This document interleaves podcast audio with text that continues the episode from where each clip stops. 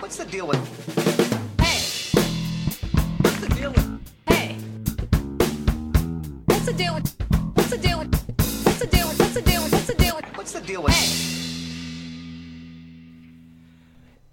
So they're finally here, performing for you. If you know the words, you can join, Join in too. Put your hands together if you wanna clap as we take you through this retro Retrospellauget-episode with DK. Donkey Kong! Og med den eh, litt kleine presentasjonen fra helt feil spill i serien, så er det bare å ønske dere hjertelig velkommen til Retrospellauget, denne gangen om Donkey Kong Country. Jeg heter Ingar Takanobu Hauge, og eh, med meg på dette retrolaget så har jeg eh, trofaste sidekick. Uh, if you choose her, you, don't, you won't choose wrong. With a skip and a hop, she's one cool Kong. Sigrun Eveline Gjerde. Woo! Woo! Ja. Fint å være tilbake igjen eh, på, på nye eventyr, eventyr i, Mm. eh, i uh, nytt, nytt country. Mm. Uh, DK Country, til og med. Og det, Ja. det må, har vi jo vært opptatt av de siste De siste ukene i løpet av sommeren, og nå på, tidlig på høsten, så har vi jo med da spilt Donkey Kong Country 1, 2 og 3 i Mm. Retrospellauget. Og det skal vi snakke litt om i dag, og samle litt inntrykk og hva vi syns om eh, de spillene. Eh, For de som da kanskje hører på for første gang, så er Retrospellauget er jo da en spin-off av vår vanlige podkast. I vår Discord-server så har vi da noe som heter Retrospellauget, der vi blir enige om et eh, retrospill som vi skal spille. Eh, og så har vi ukentlige samlinger, der vi har satt opp heimelekser, og så snakker vi om det vi har hatt i lekser, og så samler vi en del av de inntrykkene nå til slutt i en egen separat episode. Så det blir det veldig stas. Um, og nå, Sigrun, har jo du vært med i en standardepisode allerede og eh, vært med der, og nå er du tilbake i eh, Retrospellauget. Så jeg tror at du begynner å bli kjent, kjent vare og fast invitar for de som, de som hører på. Jo, jo. Jeg begynner å bli mer uh, komfortabel med situasjonen Mm. og, og sitte i en uh, podkast-situasjon. Mm. Uh, og det er selvfølgelig Det er noe helt annet å være i, i samme rom Mm. eh, når, man, eh, når man spiller inn. Ja. Så det er jo noe som eh, har blitt bedre med, Mm. med gjenåpninga. Mm, ikke sant. Det er herlig at vi faktisk kan gjøre det igjen. Det, da snakker vi seint 2021, eh, folkens, for de som hører på denne episoden fem år fram i tid. Uh, det var ikke en hoax, det var faktisk ekte. Det, vi overlevde hele greiene, så yeah. Uh, så Donkey Kong Country 1, 2 og 3 er da det vi har spilt. Og det er da på Super Nintendo, for de som ikke vet det. Og det er jo da mm, spill som er tilgjengelige på Switch eh, Online-tjenesten. Og det kommer vi jo garantert litt innom, for eh, det er jo der vi har spilt det, begge to. Og eh, Mm. de andre som har vært med litt sånn underveis. Og vi kan vel trygt si at det har gjort opplevelsen vesentlig gunstigere for oss. Det må vi kunne si. Mm. Men la oss snakke litt kort innledningsvis om historien til Donkey Kong 1, 2 og 3. For Donkey Kong er jo den eldste franchisen Nintendo har som fortsatt lever den dag i dag. Eh, gode, gamle Donkey Kong han hadde sin debut i 1981. Eh, da klatra han opp på toppen av en høy bygning og hadde kidnappa damselen Pauline. Og så var det en kar som heter Jumpman, som kom etter og skulle eh, skulle, skulle redde Pauline. Eh, det hele var jo da en eh, dårlig kamuflert variant av eh, Popeye, egentlig. Shigeru Miyamoto var veldig inspirert av skipperen eh, da han lagde det. Men det er òg selvsagt litt sånn King Kong-elementer inni dette her. Og så kom da Donkey Kong 3 ut i 1983. eh, og etter det så ble det veldig stille ifra denne store apen. Mm. Og det skulle faktisk gå helt fram til da 1995, før eh, Nei, unnskyld, 1994. eh, før eh, da et nytt Donkey Kong-spill så sitt snutt. Og det er da altså Donkey Kong Country.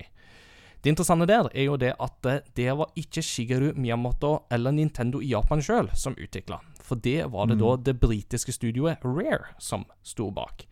Rare de ble etablert i 1985 av eh, brødrene Tim og Chris Stamper. Um, og um, det som var greia, var at de ville i utgangspunktet utvikle ting for Nintendo, og så sa Nintendo nei.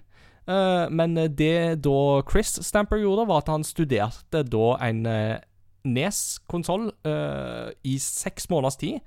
Har liksom plukka den fra hverandre, og uh, i praktisk talt altså, hadde sånn Altså han uh, reverse engineered hele greia. Altså han jobba seg liksom bakover i systemet, og lærte seg dermed da hvordan de skulle lage spill, og så begynte de å lage spill til Nes. Og det ble Nintendo så imponert over at eh, Nintendo bare sa dette er bra.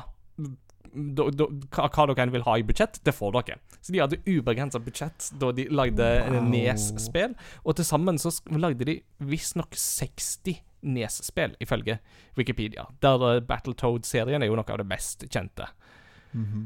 uh, det som var greia, var at da de kom til Super Nintendo-æraen, så kjente de det liksom at eh, nå har vi, vi har laga masse, men vi har liksom ikke utfordra kreativiteten vår. Så de investerte da en del av fortjenesten de hadde ifra eh, salget på Nes-spill.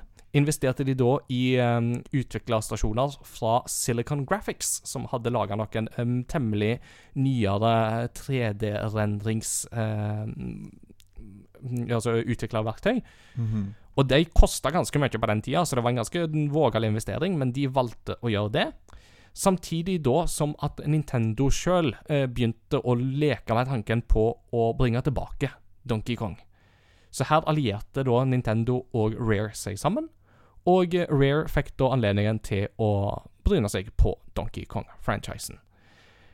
Dette er da det første Donkey Kong-spillet som da ble utvikla uten Shigeru Miyamoto sjøl, for han var da opptatt med det forrige spillet som vi snakket om her i Retrospellauget, nemlig Yoshi, Yoshi's Island. Eller Yoshi's Island, som det jo da heter. Så Miyamoto var opptatt med det, men han kom med litt sånne kreative inputs og sånn underveis. Men uh, utenom det så hadde da britene ganske stor kreativ frihet da de lagde Donkey Kong Country. Mm. Det var et spill som ble utvikla på 18 måneder. De hadde et, de hadde et budsjett på 1 million dollar, og de hadde et team som i løpet av utviklingstida involverte rundt 20 personer til sammen. Av uh, notable eh, efforts der, så er det jo verdt å nevne musikken, ikke minst, av da tre stykk til sammen som har vært involvert i Donkey Kong Country-musikken. Det er jo da David Wise, som er mest kjent, uh, som også har hatt med seg Evelyn Fisher på første og tredje spill, og Robin Beanland litt grann òg på det første spillet. Mhm. Ja, nei, jeg tenker det er jo veldig imponerende eh, det å kunne lage 60 spill med å reverse engineere en konsoll. Ja, og bare det å liksom bare sånn der Nei, dette er bra. Dere bare får ubegrenset budsjett. Bare lag det dere vil. Altså, det er jo en drøm, det der. Ikke sant? Altså, tenk deg til. Og, og for de som vil ha litt mer info om, um, om Rare sin historie, så kan vi gi en shout-out til Nerdelandslaget. Uh, og de har jo da en sånn Sidequest-episode som handler om nettopp Rare, Rare som studio. Eh, Et studio som eh, finnes fortsatt en dag i dag, eh, og deres mest kjente suksess akkurat nå, det er jo Sea of Thieves. er jo det de er aller mest kjent for akkurat i dag. Mm. Enda et spill jeg ikke har fått prøvd. Um, Nei, samme her, men det, jeg skjønner at det, det har blitt veldig bra. Det ble jo litt sånn lunkent mottatt da det kom ut, men eh, det, Mm. det, det har blitt bedre. Og ikke minst så har de jo nå fått med seg Jack Sparrow, av alle ting, så ja, ja, stemmer. Mm, det var noe de viste på E3-messen, så det er jo Ja. Uh, historie. Det er det vel ikke så veldig mye å snakke om her i uh, Donkey Kong Country, Mm. er det det? Nei, det er jo ikke det. Eh, det er jo ikke spesielt mye av det heller i um, um, seriespin-offen av eh, den, den grusomme seriespin-offen av Donkey Kong Country som kom. Ja. for det, det, her, her snakker vi dedikasjon, folkens. For vi har jo da ikke bare spilt Donkey Kong Country 1, 2 og 3, men vi har òg til og med brynt oss på den ganske horrible animasjonsserien som kom i, i kjølvannet av disse spillene. Og, og det, Sigrid, det er jo et hva skal, hva skal vi si om den, den serien? Eh, ve veldig, veldig tidlig dataanimasjoner, eh, som mest sannsynlig ikke hadde veldig stort budsjett. Eh, og det er på en måte sånn Hvis du går på hvilken som helst GIF-nettside, eller du går inn på Facebook eller Discord og søker på GIF Hvis du søker på Donkey Kong, så Mm. kommer det et bilde opp fra den serien. Uten at du vet det er derfra. Uh, det er rett og slett uh, Til tider så ser det bare helt, helt forferdelig ut, altså. Og det er jo sånn og det er jo bare sånn sammensurium av ting som virkelig ikke funker, og som bare er sånn at Hva tenkte dere på når dere gjorde dette? Det, eller, Funky Kong har en uh, Jamaica-aksent som går ifra Altså som har passert punktet av å være en um, holdt på å si godslig hommage til å bare være nærmest reinspikka uh, rasistisk. Uh, og uh, Donkey Kongs love interest Candy Kong har jo holdt, holdt på å si Well, nei, hun har vel hatt en um, kokosnøttoperasjon på et eller annet tidspunkt for å få Mm. forstørre visse deler. Hva i all verden skal en ape med det? Så no noen uh, kokosnøttimplantat, må vi kalle det. ja. Ja. Uh, eh, og, Donkey Kong sjøl blir da tydeligvis um, svak når eh, håret hans uh, blir klippa, så han er da basically Bibelens uh, Samson.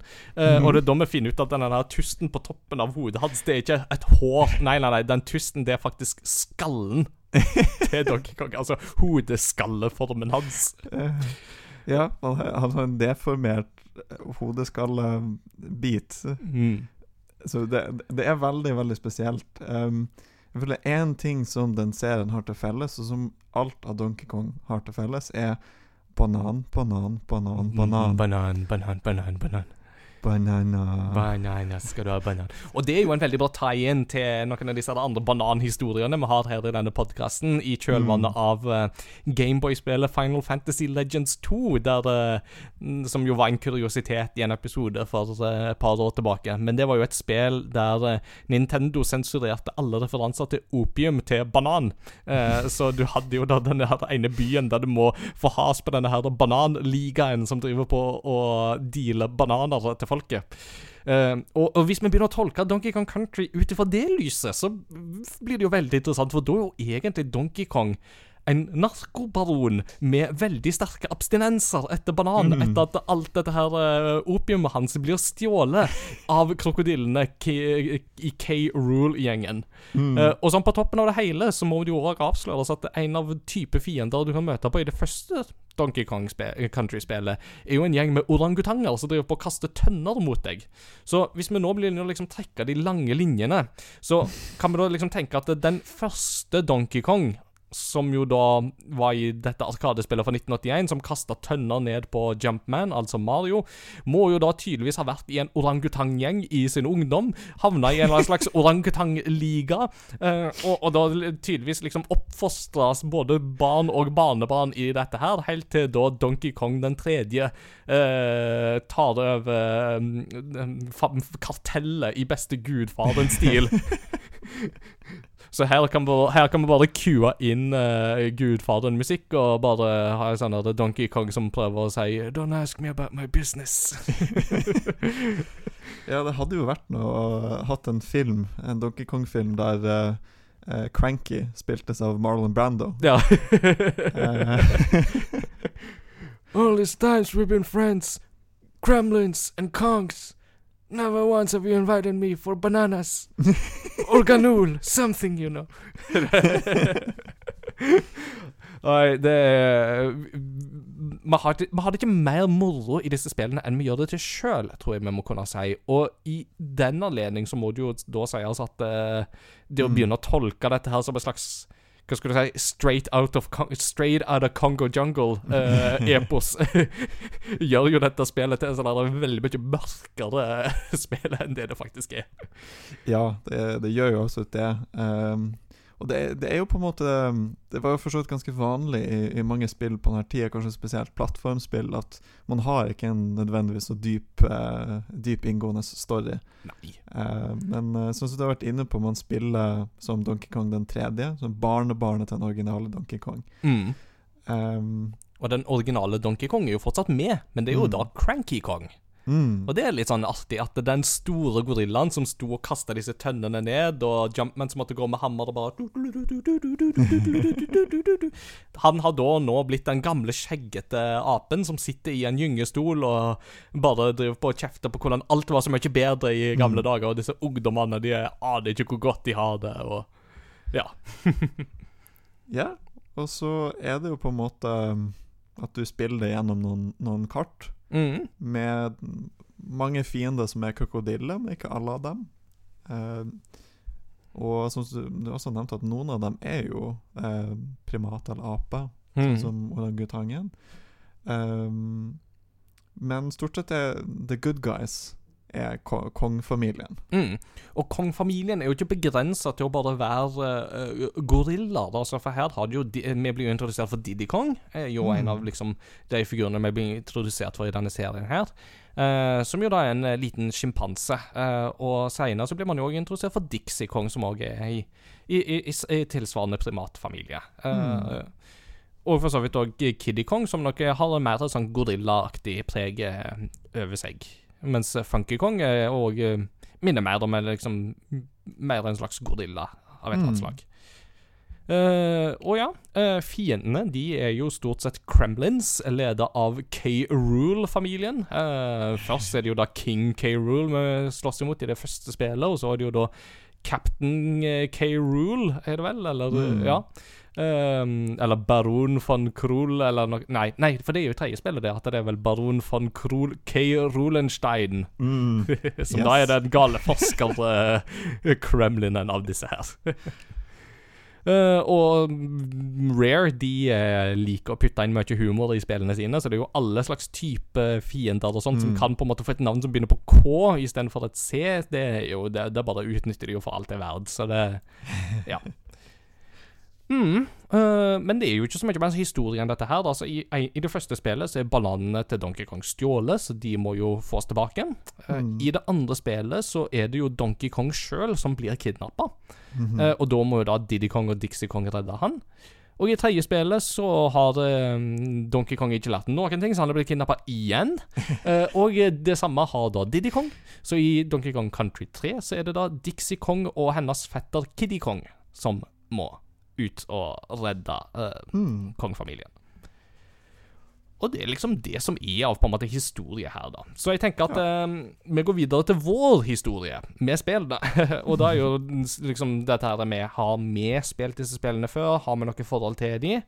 Eh, og hvis vi ikke har noe forhold til de, hva er liksom på en måte jo, Dette er jo spill vi har hørt om. Det, Mm. det, det er jo relativt Mm. kjente spill. Så ja, la oss ta det fra, fra deg, Sigrun. Eh, jo, jeg har jo fått eh, Jeg har jo testa det litt eh, mm, før i tida. Det var, det var noen som eh, hadde en SNES de arva, for å si det sånn. Og eh, Så da, da fikk jeg prøvd det ut på 2000-tallet en gang. Ja. Eh, jeg tror det var Donkey Kong Country 1. Mhm. Ehm, men eh, ja, det Jeg satte ikke med så mange inntrykk. Jeg var veldig ung da jeg gjorde det, da jeg fikk spilt det. Eh, men det jeg har sett av å se på playthroughs og eh, Let's Plays, det andre spillet det er at det er jo vanskelig. Mhm. Det er det, det virker som um, Hvis man skal spille det her uten save state og rewinds, så må man være veldig tålmodig Mhm. for å komme seg gjennom hele serien. definitivt. Dette er, dette er definitivt en type spill som virkelig liksom setter på en måte den der old school Nintendo hard-standarden, Mm. uh, som jo uh, folk sannsynligvis må være oppfostra på før de da har på en måte gått videre til The Souls-born-spill. Så det er jo de, de, de som craver vanskelige ting, de, de, de må jo på en måte storkose seg med dette her, for det er temmelig vriene saker. Ja, og ellers så har jeg jo forhold til karakterene, da. Eh, mest fra Smash. Mm. Eh, men ja, Donkey Kong har jo vært med hele veien. Eh, jeg har jo kjent til eh, sangene, som jeg, eh, jeg nå har eh, forstår hvor kommer fra. Mm. At uh, Jungle Beat er fra Donkey Kong Country 1. Ehm, så har jo, har jo nytt godt av det som er bra med Donkey Kong Country 1, selv om jeg ikke har spilt gjennom det før. Mm. Ja, så, eh, kjenner meg igjen i det. Eh, For min del så er vel et av de første møtene mine med denne serien var vel reklame for Donkey Kong eh, Country 2 på japansk TV mens jeg bodde i Japan. For eh, det som er interessant med disse spillene, er jo at de ble jo gitt ut i Japan etter å har vært gitt ut i um, Europa og Nord-Amerika. Uh, for det var jo den Ah. fordelen de hadde som britiske utgivere, var at de fikk liksom gi det ut i de vestlige territoriene først. Mm. Og Det som òg er veldig spennende, er at dette var spill som ble lansert noenlunde samtidig i alle regioner. For før i tida så var det jo gjerne sånn at hvis du var heldig, så venta du et halvt år på et spill. Hvis du var litt mindre heldig, så venta du ett år. Og hvis du var skikkelig uheldig, så måtte du vente både to og tre år på at et spill ble lokalisert og gitt Ja. ut. Og noen spill ble jo aldri lokalisert i det hele tatt. Uh, på det tidspunktet der. Så, men med Donkey Kong Country var veldig revolusjonerende på det området. Med at det var så å si simultane lanseringer. Det var bare noen få veker, et par uker imellom fra region til region. Så det var Mm. veldig interessant. Og i 95 så ble jo da Donkey Kong Country 2 lansert, og da husker jeg en sånn TV-reklame som gikk på gikk på um, japansk TV, der det var masse Kremlin som eh, liksom eh, hadde sånn Så snakket de noe om at eh, Donkey Kong har blitt kidnappa, og nå må du ut av denne han Didi og Dixie. sånn på japansk, vil jeg merke. Så det, var, det, det, husker jeg fortsatt. Og så var det noe med at kjøp sånn og sånn, og så får du med avslag på en Super Nintendo eller et eller annet sånt. Altså, ja. Ja. det, I Japan så er det fullt på med spillreklame på TV. Det er ingen hemninger. Rett og slett. Men jeg testa dette her òg faktisk i en sånn demokiosk i en butikk i Japan. Og jeg husker at det var sånn Det var next gen for meg. Altså, jeg hadde jo bare en Nes eller en Famicom på det tidspunktet. Mm. Jeg hadde jo ikke Super Nintendo eller Super Famicom, så alt alle muligheter til å prøve en Super Famicom, det, det var alltid imponerende. Og Donkey Kong Country, det var spill som imponerte meg virkelig. Mm. Og så husker jeg at eh, da jeg flytta til Norge, så var det en av naboene der som vi flytta, som hadde Super Nintendo, og han hadde Donkey Kong Country 1, iallfall. Så det har jeg spilt litt hos han, uten at vi noen gang gjennomførte det. For det var nok bare rett og slett for vrient ja. til at vi kom oss igjennom det. Det, det kan jeg jo tenke meg, egentlig. Jeg, jeg eh, tenker jo bare tilbake på første konsollen som jeg fikk til meg sjøl, var Nintendo 64. Mm. Og Super Mario 64 tror jeg var greit for de fleste barn å, å spille gjennom, men å få, få alle stjernene, f.eks., det var, det var tøft. Den, er, den er tricky. Den krever dedikasjon, helt klart. Mm. Eh, Så, altså Litt kjennskap har vi jo fra før. Altså, Vi har jo streifa innom dette her før. Eh, Og hvordan føltes det da å gå tilbake til Donkey Kong Country nå i 2021? Hvordan er den opplevelsen? Hmm. Jo, eh, for min del så Jeg syns jo det er gøy å se hvor det hele, hvor det hele starta. Um, det er noe av det som jeg syns er mest gøy med å eh, spille gjennom flere av de her gamle spillene. For man får liksom en mer sånn helhetlig forståelse. Det er jo, det er jo de her som har utvikla de her spillene, de har jo gjerne vært med seinere også og, og kunne gitt input. Um, eller så har man basert det man lager på det som har vært der fra før. Og, ikke sant?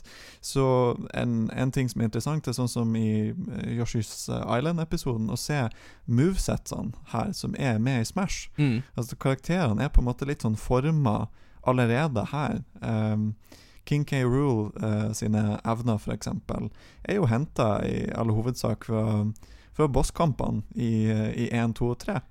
Det er jo det. Altså Bare dette eksempelet med at han har den krona som han kaster fram og tilbake, ikke sant? det er jo direkte henta fra Mm. uh, det aller første spillet, uh, og bossfighten mot han der.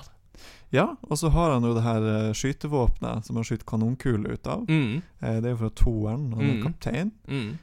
Og så har han den lille propellen som han bruker til å flyge med. Ja, ja, ja, det, er jo, det, det er jo til han K. Rolenstein. Ja, den gale mad scientist. Altså, nå, nå går jo Cruel under forskjellige navn i disse tre spillene, så jeg har liksom alltid Mm. tenkt liksom at det er det tre forskjellige. Eh, Men det kan jo bare tenkes at det er en litt sprø Kremlin som bare har forskjellige pers personer, uh, som da samles i uh, King K. Rule i Super Smash Mm. Bros. Altså, Jeg har aldri tenkt på det før nå, men det kan jo faktisk tenkes at det er den veien. Ja, nei, altså, jeg, jeg sjekka på, på en wiki, da, og der sto det at det var forskjellige alias av Ah, samme, ok. Ja, samme person. Ja, Så det, det kan jo være noe sånt. Ja, men det, det høres jo riktig ut, det, da, i så Mm. fall. Og Super Smash Bros. gir jo absolutt det inntrykket der, så det kan vi jo si. Mm. Eh, men ja, um, videre. Uh, dette med på en måte nyere gjensyn med spillet. Mm. Jo, um, jeg syns jo også at um, å spille det på Switch Online med rewind har jo vært en lettelse. Ja, det kan vi konstatere begge to i, i dette her. At det hadde det ikke vært for rewind-funksjonaliteten, så tror jeg ikke vi hadde kommet igjennom dette spillet, faktisk. Så oppriktig Mm. tror jeg vi kan si det. Ja, nei, det, det er jo Det er jo varierende vanskelighetsgrad både fra bane til bane og verden til verden og spill til spill. Eh, jeg vil jo påstå at eh, det andre spillet er det vanskeligste. Mm -hmm. um, og der er på en måte sånn at vanskelighetsgraden når til et visst punkt et sånt nivå um, at um, jeg, jeg tror at enten så må man gitt opp i frustrasjon, eller så hadde man altså ikke fått til å komme seg videre. Mm. Um, den tingen som jeg tenker på òg, er jo at i, um, i Donkey Kong Country 2 så har du en ekstraverden som du kan låse opp. Mm. Og den er jo designa for å være virkelig sånn Dark Souls-type vanskelig. For da møter du fiender som Hver gang de er borti deg, så tar de ekstraliv fra deg. Oh. Eh, så de tar ekstraliv i tillegg til at de kan dytte deg utfor. Oh. Eh, så på én fiende kan du jo til rett og slett tape alle ekstralivene Ja. dine. Og det er jo sånn Du merker på en måte at dette er spill fra en tid der det er litt sånn Du har ikke penger til å kjøpe veldig mange spill i løpet av et Mm. år. Så det spillet du får, det skal på en måte tyne deg for mest mulig eh, Mest mulig tid og krefter, da. Eh, og Mm. sånn sett skaper underholdningsverdi.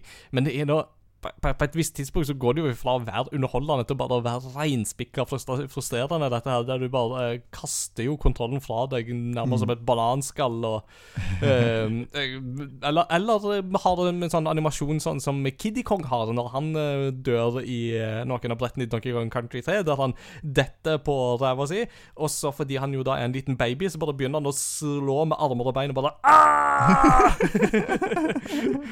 Og jeg bare kjente at ja, det, det, den er det noen, noen spillere som kjenner seg igjen i akkurat nå, ja. Ja. Dixie Kong derimot, hun blir bare sånn Begynner å Ja. grine, stakkar. Eh, Ja, nei, eh, jeg, jeg kunne sett for meg at, eh, at hvis, hvis Bruce Banner trengte noe mm. for å bli sint Bare ta fram Gameboy Advancen med Country 2.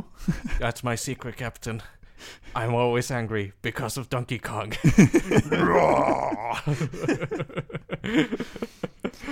Ja, det, det kunne fungert. Ab Um, absolutt, absolutt. Eh, men altså, samtidig, selv med den vanskelighetsgraden, så merker man eh, når man begynner å spille bare det første spillet, at her, kontrollene er veldig finpolerte. Mm. Kontrollene er veldig gode. Mm. Eh, du føler liksom alltid at du har god kontroll over karakteren din.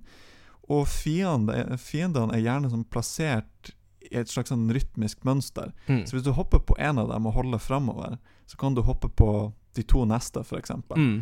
Og det, det gjør at uh, spillet har en sånn veldig sånn unik flytfølelse Mm. når du får det til. da Mm. Så du må bare på en måte slippe deg litt løs, rett og slett, i det. mm. Uh, ja, og, og, og akkurat der det er jo veldig gøy å på en måte merke hvor, hvor godt ting sitter fortsatt, da. Eh, og Mm. en ting som jo veldig mange vil på en måte påpeke som en ting de husker med Donkey Kong Country-spillene, er jo grafikken. Fordi at eh, Altså den type på en måte forhåndsrendra 3D-modeller som man ser i Donkey Kong Country, det var jo ikke vanlig i, på Super Nintendo på den tida, så det skiltes jo Mm. veldig ut. Eh, og det er en sånn ting som fortsatt slår deg, liksom som at det er sånn her Ja, det, det, det er veldig lett å fortsatt se på dette og la seg imponere eh, over Mm. det. Selv om det er klart at det, det å spille det på en stor 65-tommer nå, du, du vil på en måte merke at eh, det, det, det, det, det tar seg ikke like godt ut som hvis du har det på en litt mindre TV. da. Eh, yeah. og det var jo et spørsmål for min del, for jeg har de tre spillene på en Super Famicom, så jeg vurderte jo om jeg skulle spille dette på original hardware, sånn som jeg gjorde med Yoshi's Island. Men Mm. Du verden så glad for jeg er, som jeg er for at jeg ikke gjorde det. For rewind-funksjonen med å kunne spole tilbake og la lagre underveis, Mm. det er, det er Guds gave til retrogameren. Det, altså, det er herved offisiell eh, game, eh, crossover Mm. gaming-teologi. Ja. jo, jeg er absolutt, absolutt enig i den. Eh, jeg er blitt, blitt frelst av den funksjonen, mm. eh, for å si det sånn. Du har sett lyset, du er født på ny. Uh, ja. Mm. Uh, er det noen andre ting vi liksom vil trekke fra gjensynspunktet før vi snakker om litt mer sånn generelle inntrykk? inntrykk? Ja, altså liksom på en måte Førsteinntrykket mitt jeg, jeg hadde ikke forventa at det skulle være så mye humor. Nei. Um, det var ikke noe som jeg nødvendigvis hadde fått med meg av uh, andre folk som, som spiller gjennom spillet. Fordi at det som gjerne tar lengst tid, er jo når de står fast på banene og prøver om igjen og om igjen. Ja, naturligvis. og da, da opplever man ikke så mye av den humoren som, som er gjemt rundt omkring i, Mm. i spillet. Mm. Det er, det er jo både karakterer og um, uh, morsomme sånne um, iscenesatte ting, sånn som eh, Det er vel i første spillet der du har en sånn eh, fake credits-scene. Ja. At det kommer opp rulletekster når Mm. det egentlig ikke er ferdig. Mm. Og der alle navn begynner på K. Eh, så The, the, the company, Nintendo Company med K, Mm. for eksempel, og sånne ting. Og det er mange sånne k- k- Kremlin-navn inni der. Så nei, det var en sånn artig, Mm. artig sekvens. Og selvsagt så må jo Cranky Cog må jo trekkes fram fra det første spillet. Mm. Jeg tror at det er veldig mange kids som ikke fikk, med seg all den humoren som er i Cranky sine kommentarer, men det er så mye av det Cranky sier av For han har jo en sånn rolle her med at han, han kommer med Du kan besøke hytta hans i det første spillet, og da gir han Mm. deg et godt tips. eh, for hvordan du kan spille spillet, men du må samtidig òg vente på at han blir ferdig med liksom mange rants om liksom sånn at Alle disse fargene, hva skal dere med de? Og bare så 32 mega Altså, i min tid så hadde vi fått inn 30 spill på den kapasiteten, og de hadde alle vært gode! Uh, bare sånn Ja, du trodde vel at dette her var 64-bit? Her gjorde du ikke det? Ja, ja, ja, ja. ja. Og bare sånn I, I, I have more gameplay in my little finger than you have in your whole hand. så, Yeah. så, så, så, ja, så, så det er bare sånn uh, Cranky har rett og slett den der retrospillerrollen som bare liksom random om hvordan alt var så mye bedre før i tida. Og bare sånn ja, ja, Nå er det bare sånne fancy gimmicks og sånne ting. Nei, nei, nei spillene var bedre før. Ja, ja, ja. ja. Ja, jeg, jeg ser jo for meg at hvis du skulle laga et, eh, et nytt Country-spill i år, så måtte jo uh, Cranky ha hatt noen kommentarer om mikrotransaksjoner, Mm. Uh, om uh, Games as a Service. Back in my day, when you bought a game, it was already complete. Ja. You didn't have to do any downloading or paying or Nei. Eh, morsomt nok, da. Eh, I den forbindelse så er det jo en eh, liten kuriositet, men da Sea of Thieves ble lansert eh, Hvis du hadde forhåndsbestilt det spillet, så fikk du jo faktisk med deg en Day One-patch. Som da er en sånn øyelapp så det står et ett-tall på, så det er en eye-patch. Og det er da Day One-patch som man da får. Så rare-humoren den lever fortsatt den dag i dag, hvis du Mm. liksom graver litt i det, da. Det er veldig positivt å høre. Mm. Eh, er det andre sånne mm, Er det andre inntrykk som eh, vi nå vil eh, på en måte dele? Og nå tenker jeg at vi på en måte går i en sånn glidende fase fra på en måte gjensynsinntrykk til Mm. liksom generelle inntrykk. Uh, så mm, jeg spiller ballen videre til deg, jeg, og er det Eh, ja, jeg tenker jo det, det vi har vært inne på, fantastisk musikk. Mhm. Eh, kanskje spesielt i eneren er Ja. det virkelig mange sånn Oi, her er det mye Donkey Kong som skapes, og Mm. det folk kjenner i dag. Ja, og det, og det Vi har jo allerede snakka om Jungle Beat, eh, eller vi snakket om før vi be- begynte opptaket, men altså, du har, Mm. det er jo Jungle Beat er jo den mest kjente med disse bongotrommene, ikke sant? Mm. Og, men òg liksom Aquatic Ambience, som jo er et sånn Den dag i dag så er det bare sånn du får jo chills bare du hører det temaet, hvor bra Mm. det er. Men òg en del av disse her sånne fabrikktemaene og sånt som er veldig sånne industrielle, med litt sånne metalliske lyder og sånn. Det, det er mye imponerende på lydfronten, i særlig det første spillet, syns jeg, altså. Som Mm. er eh, må, trekkes fram som veldig veldig positivt. Og det er jo for det meste David, Wi David Wise som står for dette her, eh, Mhm. og som definitivt fortjener klapp på skuldra, for det er meget imponerende greier. Altså, og som jo har danna grunnlaget for Donkey Kong-musikk i se seinere tid òg. Mm. Eh, og så er det jo Vi, vi har vært inne på det her òg når, eh, når vi har hatt våre ukentlige samtaler, men at um, musikken tok en liten sånn dipp, på en måte, i, i toeren.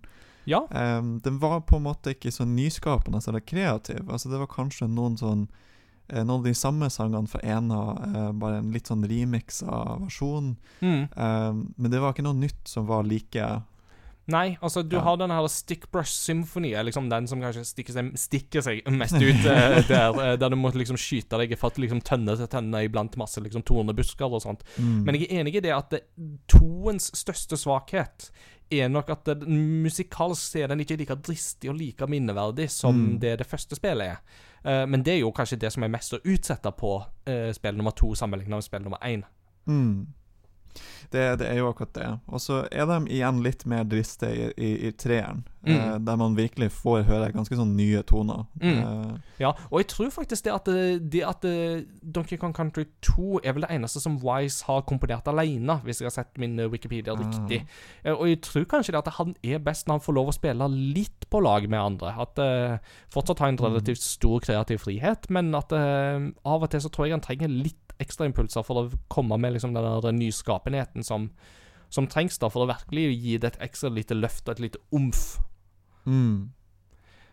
Um, men, ehm, men altså, bortsett fra det, så er det jo de, definitivt verdt å liksom sjekke ut soundtrackene den dag i dag, syns jeg. Um, Ja. uh, bare om, om man ikke tenker å spille igjennom, så soundtrackene er veldig minneverdige, uh, spesielt eneren. mm, ja. Um, Og så mm, tenker jeg jo på dette med presentasjonen. Altså det med Mm. at det er disse forhåndsdataanimerte grafiske uttrykkene som jo Der jo da Silicon Graphics eh, utvikler verktøyene som de jo gikk til innkjøp av, virkelig kommer til sin rett. Men altså, hvordan føler vi at det, det er eldas, og hvordan føler vi at den presentasjonen er i dag? Altså, jeg tenker at på den tida så må det ha vært utrolig, fordi som du nevnte, de, de var ikke vant til det her på Super Nintendo. Eh, de fleste spill på Super Nintendo så vel mer ut som de kom ut fra en RPG-maker. Mm. Eh, du hadde liksom eh, litt sånn samme tiles og, og, og design, mens her er noe visuelt veldig nytt. da. Mm. Men det er samtidig det at selv om teknologien var ny den gang da, så er den jo ikke det eh, nå. Og vi har kommet mye lenger i 3D-modellering, og sånn som gjør at av og til så ser den ikke så imponerende ut. Mm, og ja, og det kan jo særlig merkes i det første spillet, men det er jo et punkt der du merker en sånn gradvis større selvsikkerhet og gradvis Mm. mest, mer mestring av verktøyene. Fra én til to og videre fra to til tre. Der eh, treen ser veldig skarppolert ut og, Mm. og sånt, altså. Og det, det tredje kom jo ut i 1996, eh, og da var jo allerede Nintendo 64 lansert i Japan, blant annet da i samarbeid med eh, Silicon Graphics eh, Mm. Innmat. Uh, og det gjør jo det at til å være da et så seint Super Nintendo-spill, så utmerker det seg jo ganske tydelig på det grafiske Mm. området. Eh, men samtidig så vil jo jeg ut ifra et nyere standpunkt, eh, sånn for min egen del, så vil jeg nok kanskje si at jeg fikk en mer utbytte av Yoshi's Island da jeg spilte det. Mm. Fordi at det har en sånn leken kreativitet over seg, som òg var ganske nyskapende på den tida, men som har en langt mer tidløs estetikk, som fortsatt den dag i dag eh, la, er imponerende, da. Altså, det er nok de fleste vil si om Donkey Kong, er nok det at det, ja, det er jo spill som ser bedre ut, naturligvis, men det, gjør, altså, det at det har den looken det har, gjør nok at det er lettere for enkelte kids i dag å plukke det opp, Mm. tror jeg, enn om det bare skulle være liksom den klassiske pikselerte grafikken. Ja, ikke sant. Det, det er enklere enn et, uh, enn et Nes-spill. Men uh, det, det er liksom litt som en sånn uh, Windwaker-situasjon, eh, Mm. føler jeg. Um, at um, stilen er, er mer tidløs i Yoshi's uh, Island, og um, det er da hvis man går tilbake til så kan det jo samtidig være litt vanskeligere. Det var jo veldig vanskelig for mange å spille Windwaker når det kom ut, når Mm. de ville ha et uh, dark fantasy. Mm, eh, de ville ha det de så på uh, Space World 2000-presentasjonen i Tokyo, med realistisk Link og Gannon som slåss, uh, ikke der barnslige tegneserieaktige greiene. Mm. Men, men um, og bare det som jo Yoshi's Island gjør med 3D-effekter og sånt gjennom den FX-chipen, uh, Mm. syns jeg jo er mektig imponerende, og det, det mangler du på en måte litt av her, da. Ja, det, det, er ikke, det er ikke noe særlig bruk av det Mm. uh, i de her spillene. Ehm, ja, um, jeg tenker Hvis man tenker på karakterene Mm. igjen, så en, en, en som utmerker seg, er jo Dixie Kong. Ja. Altså, Dixie Kong utklasser jo alle andre kongs. Mm. Og det er jo litt sånn Rare overgår seg sjøl litt med Donkey Kong Country 2 så mye at uh, de, de, de strever med å innhente seg igjen etter det.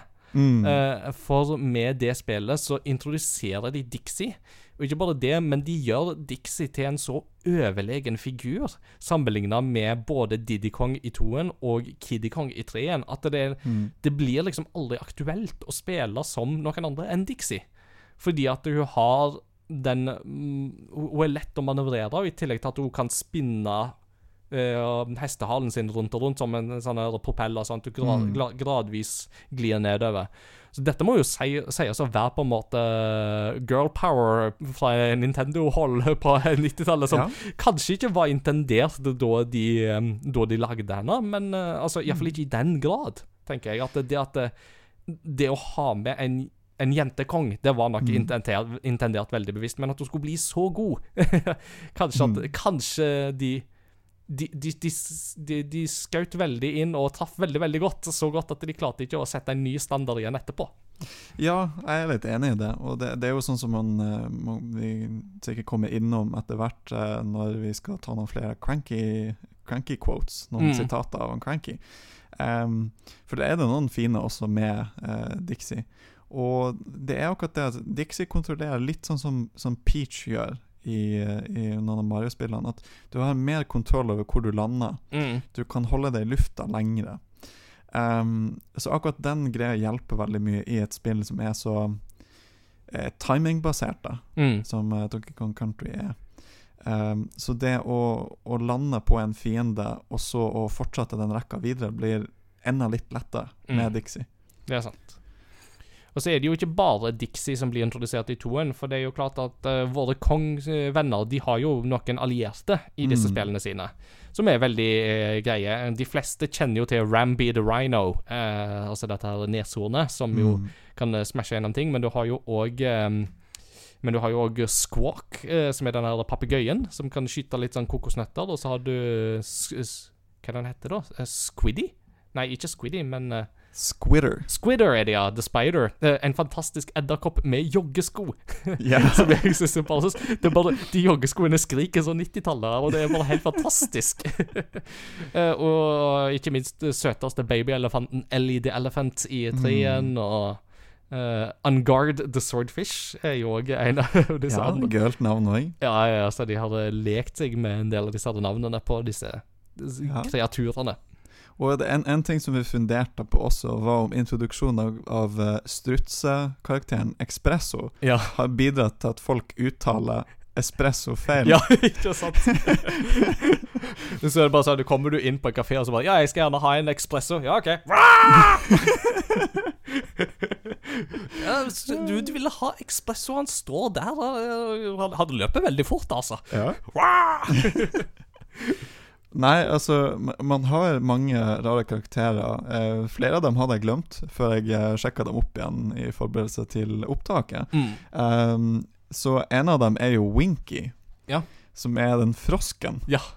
Um, men den frosken blir etter hvert uh, erstatta med en um, klapperslange som -hmm. heter uh, Ratley. Ratley, ja. Ja.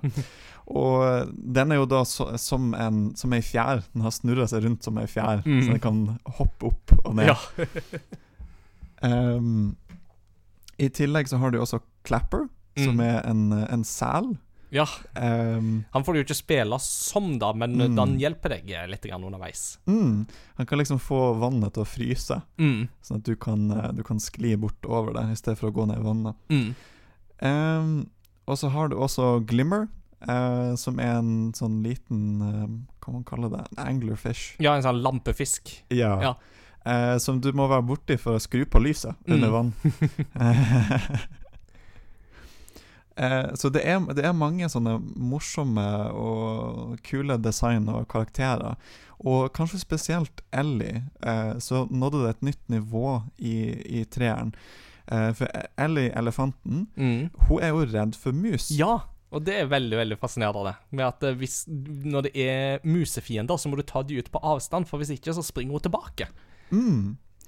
Og det er en veldig kul greie, fordi at eh, da har vi introdusert en um, hjelper som har en spesifikk svakhet, Mm. som gir den mer personlighet. da. Med en gang. Og det er kjempesøtt. Uh, så det er bare helt fantastisk. I tillegg så kan jo Ellie uh, suge opp vann med snabelen, og så Mm. skyte det vannet som sånne kuler. uh, som gjør veldig, veldig artig funksjon. Ja, ja. Ehm, nei, så jeg er imponert over kreativiteten de klarte å putte inn i, i dyrene. Definitivt. I Country. Definitivt. Og et annet punkt som de òg er ganske kreative på etter hvert, og da særlig med Donkey Kong Country 2, Mm. er jo boss-kampene. Ja. Uh, det er jo et punkt der det første spillet er kanskje litt svakt. Uh, Mm. Du har den der beveren, og så har du den der um, gribben som dukker opp to ganger, og Ja. sånne ting, liksom. Men det er ikke liksom Bosskampene er liksom aldri et stort høydepunkt i det første spillet. Mm. Men i det andre spillet så får du utmerke deg veldig mye mer med denne her um, gribbkapteinen som er på toppen av skipet, til sverd Mm. som fyker rundt omkring, og uh, Ja, generelt sett så er det på en måte mer Altså det, det er jo et, absolutt et punkt der vi òg ser en utvikling fra én til toen, Uh, og som mm. for min del iallfall kanskje ikke treen klarte helt å toppe, med at du har eh, liksom første bosskamp der i en tønne, eh, og den kanskje særeste eh, to, to av de særeste bosskampene der er den ene der du må slåss imot en foss. Uh, ja, I kid you not. Uh, eller iallfall noe som lever inni en foss. Uh, og uh, ha en snøballkrig med en snømann som ser ut som Clayfighter fra den klassiske eh, Clay Fighter. Som du har sånn latter. Ja, altså når du, når du treffer den, så er det sånn au, au, au, au. Ja, der var man ja. Så er sære greier. Det, det er veldig sære greier, men uh, ja, det, det er sånn som du sier. Det, både det at i, i første spillet så har du liksom flere av de her bossene som du møter en gang til, bare med en annen skin med andre farger, Mm. liksom. Uh, I tillegg til at måten du må beseire dem på, er ganske enkel. Det er bare at du, du skal på en eller annen måte klare å hoppe på hodet deres. Mm.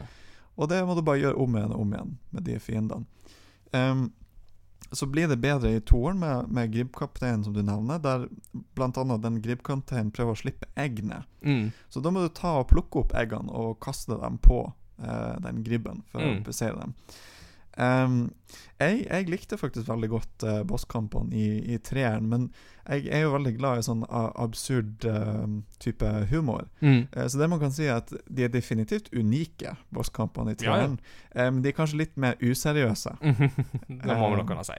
Mm. Så hvis det er på en måte Det blir jo liksom Oscar-diskusjon. Altså Kan en komediefilm vinne beste film på Oscaren, Mm. eh, eller ikke? Eh, for meg så kan den det. Eh, spesielt om du gjør noen sånne ting som er så absurd. Ja, for hvis den filmen heter Jojo Rabbit, så kunne han jo definitivt ha gjort det, ikke sant? den var jo nær ved å gjøre det òg, faktisk. Så det jo Wow. ja, ja, den, eh, den var jo nominert til flere, pri flere priser. Jeg lurer til og med på om den var beste film nominert det året, men eh, Mm. Det var vel Joker som vant, tror jeg. Kanskje? Nei, det var det vel ikke. Den vant andre ting, men han vant ikke Ja, det, det var vel Parasite. Parasite var det jo selvsagt som vant. Ja, ja, ja, men det var jo en verdig vinner, det òg. Den, eh, den kan vi se etterpå når vi er ferdig med opptak her, faktisk, hvis du vil. Ja, Så, ja. Eh, men eh, filmdiskusjonen får vi ta en annen gang. For det eneste vi har lov å snakke om nå av film, det er Donkey Kong-animasjonsserien, og den har vi snakka ferdig om, så ja, det går ikke an å si noe mer om den. Nei da. Uh, men i forhold til dette her med vanskelighetsgrad, så er jo òg da Det er kanskje det punktet der Donkey Kong Country 2 er Mm. Holdt på å si det spillet som utmerker seg, men da på en til, til dels litt negativ måte, tror jeg vi må si. Ja. Eh, les Remember Toxic Tower. Ja. Toxic Tower er jo et brett du møter på ganske seint i eh, det spillet, som er brutalt vanskelig, sjøl med rewind-funksjon. Og det fikk jo du oppleve. Ja, jeg fikk oppleve det på den måten, for det, det du må gjøre, er at uh, du spiller som den her eh, klapperslangen, og du må drive og hoppe uh, opp veldig høyt til noen forskjellige plattformer. Um, samtidig som liksom en bølge med syre Hmm. eh, kommer opp eh, fra, fra under eh, skjermen.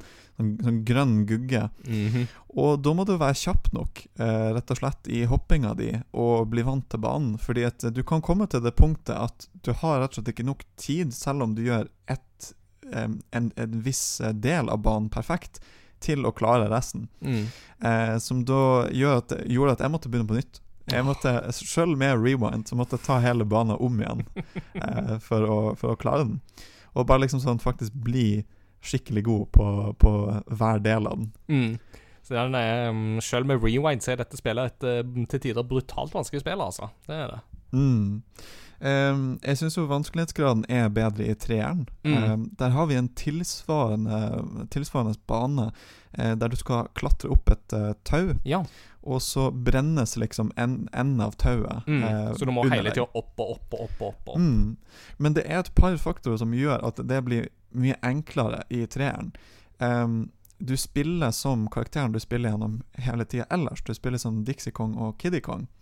um, I motsetning til å spille som et av de her dyrene, som Mm. du ikke har tilgang til eh, mange ganger i løpet av spillet. Ehm, så det er kontroller du er mer vant til. Eh, I tillegg til at det er mindre desorienterende fordi at det går bare rett opp. Mm. Um, det er liksom Det er rett opp, og så må du prøve å unngå ting. Eh, mens på Toxic Towers må du hoppe deg sikksakk fram og tilbake igjen Mm. på, på banen mens du hopper deg oppover. Så noen faktorer skjønte dem at OK, det her kan vi gjøre litt bedre. Mm. Eh, mm, En ting som eh, jeg eh, tenkte på i forkant av eh, Donkey Kong-spillene, før vi skulle begynne å spille, de var at eh, en ting som blir gøy å gå tilbake til, det er disse minecart-banene. Altså Mm. der du må sitte i en sånn eh, gruvevogn som kjører på skinner, og så må du hoppe opp og ned og sånne ting. Uh, og dette har du jo elementer av i alle tre spillene, men jeg ble litt skuffa over hvor få de sekvensene faktisk var. Uh, så jeg hadde jo egentlig håpet at jeg skulle få litt flere av de. Så det er et punkt der eh, oppfølgerne eh, fra Retro Studios har eh, gjort det bedre, eh, med Mm. at de har inkludert mer av det, da, syns jeg. Så- Ja, jeg har ikke spilt de, de nyere eh, spillene heller. Um, men um, det, er jo, det er jo sant. Jeg forventer litt mer av det. Eh, og det er veldig gøy, hver Mm. sånn uh, mine, mine, vognbane du får. Mm. Yeah. Er det noe annet du vil trekke fram fra denne opplevelsen? Du nevnte noe om quotes fra Cranky. Eh, hadde du funnet deg plukka ut noen av de? Eh, ja, jeg hadde plukka ut et par som jeg, som jeg har liksom kategorisert. Så du har blant annet eh, noen quotes som er snikskryting. Mm. Eh, der rett og slett eh, Rare bare skryter av sitt eget spill.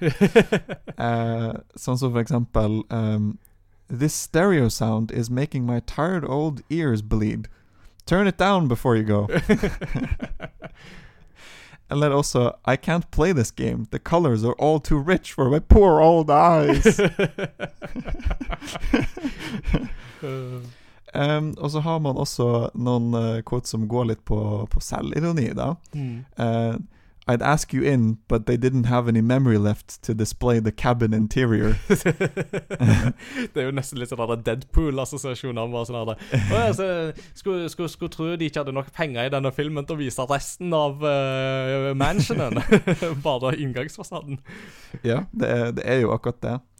Eh, og så har han også en quote som jeg liksom sånn, tenker er sånn hyperparadoks. Jeg prøver fortsatt den dagen i dag å skjønne hva det her betyr, egentlig. Mm. Eh, you wouldn't know a good game if you were in it. Ja.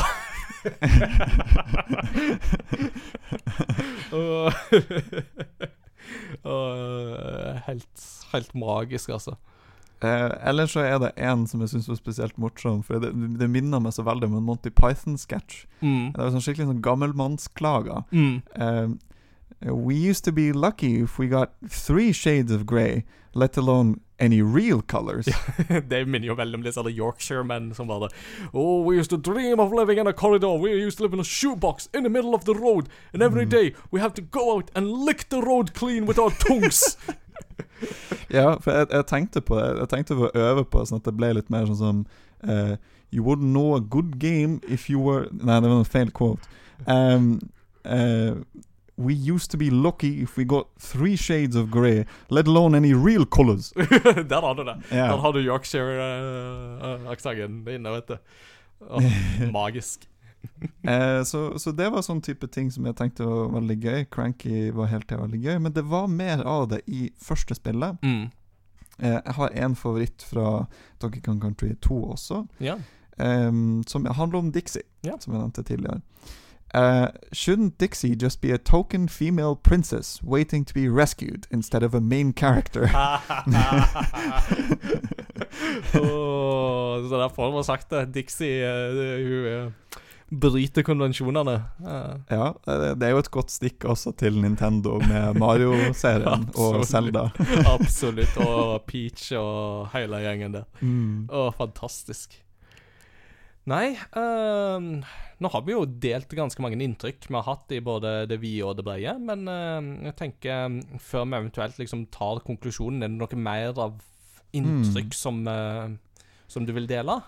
Eh, ja, jeg, jeg tenkte at eh, det går an å, å nevne den lille easter eggen som er i Donkey Kong Country 3, Ja, eh, med Wrinkly Kong. ja, det går an å nevne. Jeg tenkte egentlig jeg skulle spare den som en kuriositet til hovedepisoden, skjønner du, Ah. men uh, det kan det komme på noe annet til det, så det er nok av kuriositeter i spillverdenen. Nei, for at uh, Wrinkly Kong, altså gamle kona til Cranky Kong, som jo fortsatt er i da Wrinkly er i live på dette tidspunktet. I seinere Donkey Kong-spill så er jo dessverre bare blitt et spøkelse. Mm. Uh, men i treen så må du jo gå til hennes hytte for å lagre.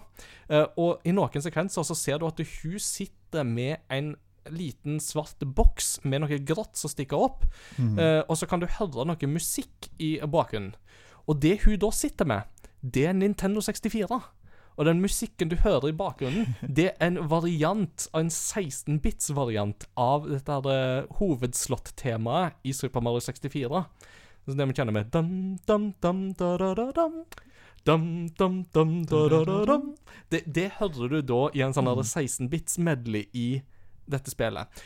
Og i Japan så var jo Nintendo 64 gitt ut på dette tidspunktet. Mm. Og det samme i Nord-Amerika.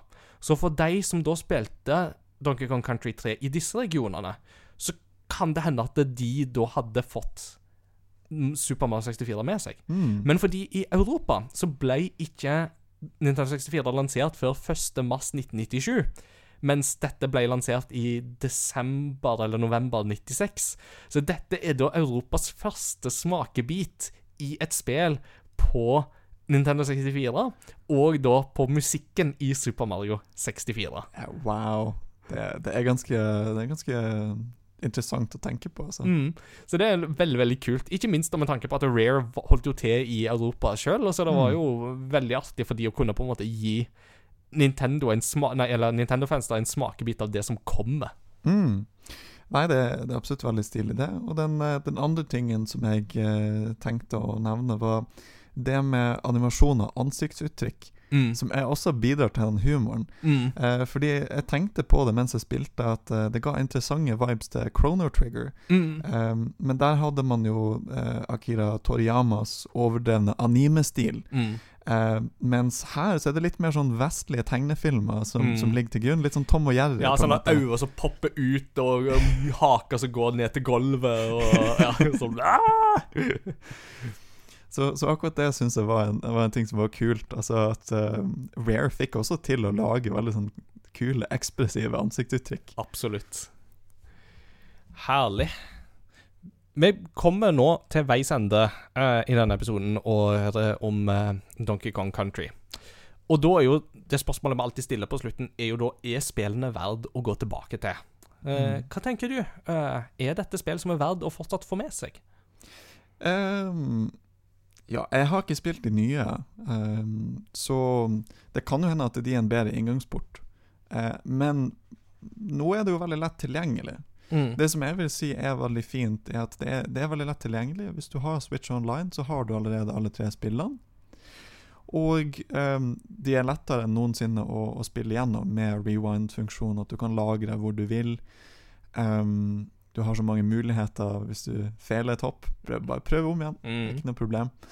Um, og samtidig så det går an å gå tilbake igjen til den bare for å ta en titt. Det går an å gå innom uh, første spillet og høre på noe av musikken. Mm. Uh, Jungle Beat kommer jo på første banen, Mm. så det Du får liksom uh, en highlight bare du starter spillet. Mm. Uh, så jeg, jeg vil anbefale å, å, å gå tilbake igjen til det. Ja, ja mi- mitt svar på det spørsmålet er jo et sånt til dels, vil jeg jo si. Um, Mm. Altså, I de tidligere retrospill-laugspillene så har jeg jo stort sett nesten alltid gitt et sånn uforbeholdent ja, jeg syns dette er verdt å gå tilbake til. Jeg må jo si at jeg, jeg begynte å bli litt sliten uh, når vi kom til Mm. Donkey Kong Country 3. Da kjente jeg liksom på at nå begynte jeg å bli litt sliten av formelen. eh, Og av vanskelighetsgraden og, og, og diverse. Eh, og jeg må nok for min del kanskje slå et slag for de nyere Donkey Kong Country-spillene til Retro Studios. Altså da henholdsvis Donkey Kong Country Returns til Wii og 3DS, Mm. og Donkey Kong Country Tropical Freeze til Wii U og Switch. Særlig sistnevnte der er jo et helt amazing spill, eh, som har så mye bra underholdningsverdi. Og der får du jo spille igjen som Dixie Kong, der gjør jo hun en retur. Yeah. Men der får du òg spille som Cranky Kong for aller første gang.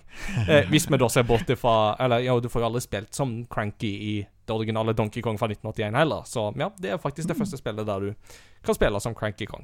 Så mm, jeg ville nok på en måte kanskje anbefale de spillene, Mm. og de kunne Men de kunne definitivt ikke eksistert uten det grunnmaterialet som ligger til grunn i Donkey Kong Country 1, 2 og 3. Men samtidig så vil jeg nok si at de leverer en bedre opplevelse helhetlig sett, eh, Mm. som da både gamle og nye spillere kan komme seg enkelt og greit inn i. Jo, jeg ser, jeg ser definitivt den. Eh, det kan være mer fra et sånn eh, eh, spillhistorisk perspektiv. Altså, de fleste har jo erfaring med Donkey Kong og Diddy Kong fra Smash, kanskje. Mm. Og eh, du kan jo få se noen av movesene deres her. Eh, jeg tenker at eh, jeg har lyst til å prøve de nye, nyere spillene også. Eh, men kanskje ikke for å spille gjennom alle tre. Men du kan, du kan dra tilbake igjen og ta en, ta en titt på, på eneren, f.eks. Absolutt. Det, det er vel, vel verdt det. det. Kan vi være enige om. Hmm. Ja, med det så er da Retrospellaugets eh, gjennomgang av Donkey Kong Country 1, 2 og 3 kommet til veis ende. Vi vet på nåværende tidspunkt ikke hva som blir neste spill, eh, så det får vi annonsere i hovedpodkasten når eh, det er klart. Eh, men eh, altså, nå har jo Nintendo annonsert at eh, det skal komme både Sega Mega Drive og Nintendo 64-spill på Switch Mhm. Online-tjenesten, så det kan fort være at det blir noe fra de konsollene når vi skal, skal vi gjøre det. Vi får vente og se. Det er det, dette er jo avstemninger som vi tar i lag med lytterne og brukerne i Discord, så vi får vente og se.